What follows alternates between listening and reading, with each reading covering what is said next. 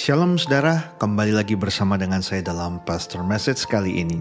Saudara, kalau kita mendengar satu kata trademark, kira-kira apa yang ada di pikiran kita? Kita tahu saudara bahwa trademark adalah merek dagang. Nah, merek dagang ini pasti punya ciri khas tertentu saudara. Misalnya, kalau kita minum satu minuman air mineral yang berwarna biru, kita langsung tahu itu adalah merek apa gitu. Atau kalau kita minum satu air mineral, saudara, pada waktu kita rasakan ternyata air mineral itu ada rasa sedikit manis-manisnya, saudara. Kita tahu juga bahwa itu merek apa, ada ciri khasnya. Dan saudara saat ini sebagai anak-anak Tuhan, sebagai murid-murid Kristus, sadarkah kalau kita seharusnya juga punya ciri khas saudara? Kira-kira ciri khas apa saja yang harus dimiliki oleh setiap anak-anak Tuhan supaya orang di luar sana bisa tahu tanpa kita ngasih tahu kita adalah pengikut Kristus saudara. Orang tahu dari cara hidup kita, dari ciri-ciri yang kita punya tingkah laku kita, karakter kita, semuanya saudara. Orang bisa tahu bahwa kita adalah pengikut Kristus. Dalam kisah para rasul 2 saudara dimulai dari ayat yang ke-41 ini bicara tentang cara hidup jemaat yang awal-awal, yang pertama. Kita baca sama-sama saudara ya. Orang-orang yang menerima perkataannya itu memberi diri dibaptis dan pada hari itu jumlah mereka bertambah kira-kira 3000 jiwa.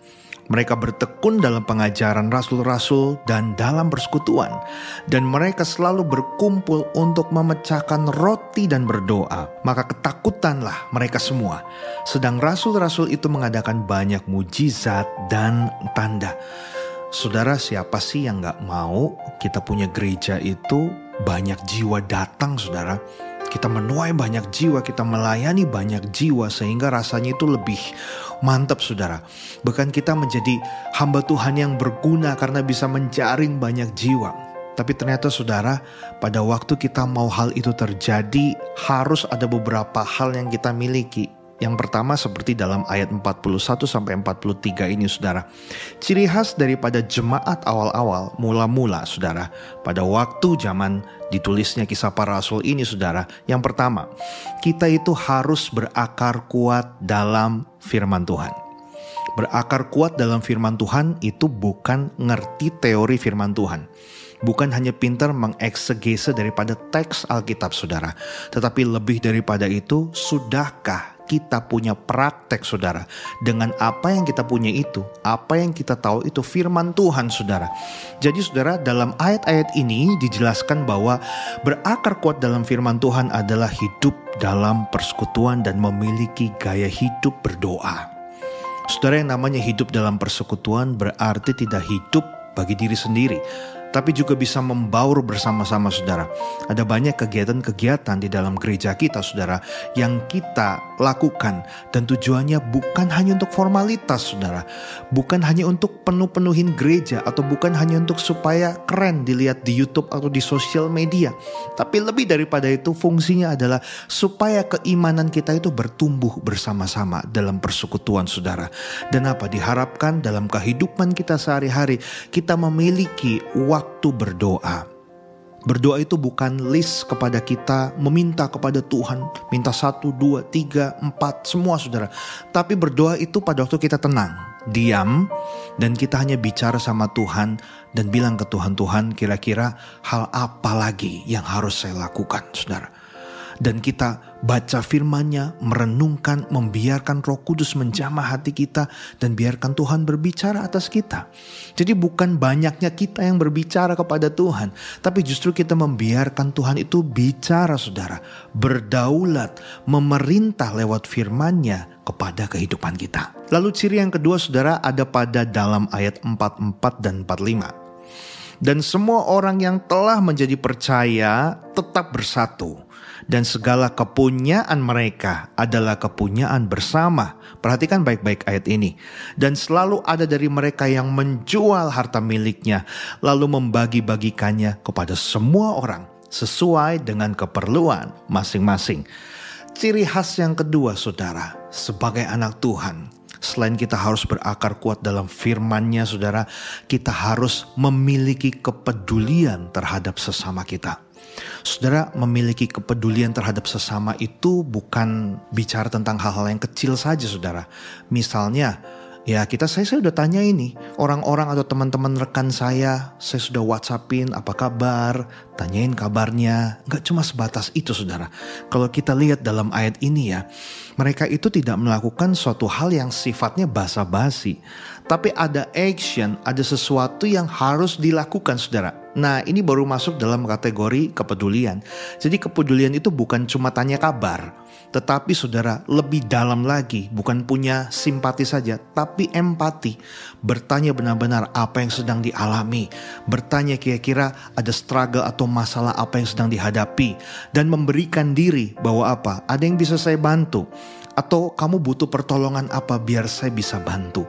Sama seperti jemaat mula-mula ini saudara. Ini luar biasa loh. Mereka punya harta, tapi hartanya bukan untuk diri sendiri. Bukan untuk jalan-jalan sendiri ke Jepang, ke Australia, ke Eropa, saudara. Ke Thailand, ke mana lagi saudara? Keliling dunia, Holy Land, enggak. Tapi apa yang mereka punya saudara, mereka jual loh. Habis itu mereka bagikan kepada orang-orang yang membutuhkan. Nah sekarang kita lihat di sekitar kita saudara. Jangan kita menutup mata. Ada banyak orang-orang di sekitar kita, nggak usah jauh-jauh sampai ke ujung bumi, saudara. Sekitar kita aja. Ada banyak orang-orang yang sebenarnya mereka membutuhkan uluran tangan kita secara materi, saudara. Nah, bagi setiap kita yang diberkati Tuhan, atau mungkin saudara kita punya lebih, hidup kita sudah lebih dari cukup, saudara. Hendaklah kita memulai memikirkan hal ini. Kira-kira hal apa yang bisa kita kasih dan kepada siapa yang membutuhkan itu dimulai dari orang yang paling terdekat, dari saudara-saudara seiman saudara dan baru masuk dalam kategori ini bahwa kita adalah umat Tuhan yang peduli terhadap sesama. Tidak cuma sekedar ngomong, tidak cuma sekedar tanya kabar saudara, tapi ada action yang kita lakukan. Dan yang terakhir yang ketiga saudara, di ayat yang ke-46 dan 47 dengan bertekun dan dengan sehati mereka berkumpul tiap-tiap hari dalam bait Allah. Mereka memecahkan roti di rumah masing-masing secara bergilir dan makan bersama-sama dengan gembira dan dengan tulus hati. Ini dilakukan bersama-sama loh saudara. Sambil memuji Allah. Dan mereka disukai semua orang. Dan tiap-tiap hari Tuhan menambah baru. Menambah jumlah mereka dengan orang yang diselamatkan ciri terakhir daripada anak Tuhan, daripada murid Kristus, saudara, hidup kita itu harus disukai oleh banyak orang, saudara. Mungkin gak 100% orang akan suka sama kita, karena ada aja saudara orang yang sirik sama kita. Ada aja orang yang mau mencelakakan kita. Ada aja orang yang gak senang dengan karya kita. Dengan talenta kita. Dengan keahlian kita saudara. Mungkin hidup kita lebih baik dari mereka. Sehingga ada beberapa orang yang mungkin gak suka dengan kita. Berusaha untuk menjatuhkan kita saudara. Tapi maksud daripada ayat ini adalah 50% lebih saudara. Kalau kita nih ya mengadakan satu observasi saudara ya terhadap diri kita kalau ada 50 lebih saudara, 50% lebih orang suka dengan kehadiran kita. Selamat saudara. Berarti saudara termasuk dalam kategori orang yang disukai di mana pun Anda berada saudara. Karena mungkin orang melihat karaktermu baik. Orang melihat engkau punya integritas. Orang-orang banyak melihat bahwa engkau juga punya perkataan baik, tegas, tidak dolak-dalik saudara. Tapi lurus, jujur, tegas saudara. Punya kesetiaan, tidak suka menyusahkan, tapi helpful, membantu. Nah, saudara, biarlah setiap kita punya semua hal ini, dan barulah firman Tuhan berkata bahwa dengan kita melakukan semua hal itu, maka Tuhan menambahkan jiwa-jiwa saudara makin banyak, makin banyak. Tentu kita rindu saudara, di akhir zaman ini gereja di mana kita berada saat ini diberkati Tuhan dan juga Tuhan menambahkan jiwa-jiwa. So saat ini ubah hidup kita lakukan pertobatan demi pertobatan saudara. Yang pertama, kita harus berakar kuat dengan firman Tuhan. Kedua, kita harus peduli terhadap sesama, nggak cuma ngomong saudara. Dan yang ketiga, kita harus punya karakter yang disukai oleh banyak orang. Munculkan karakter Kristus, nggak berhenti sampai bertumbuh. Tapi harus apa? Goalnya berbuah, saudara.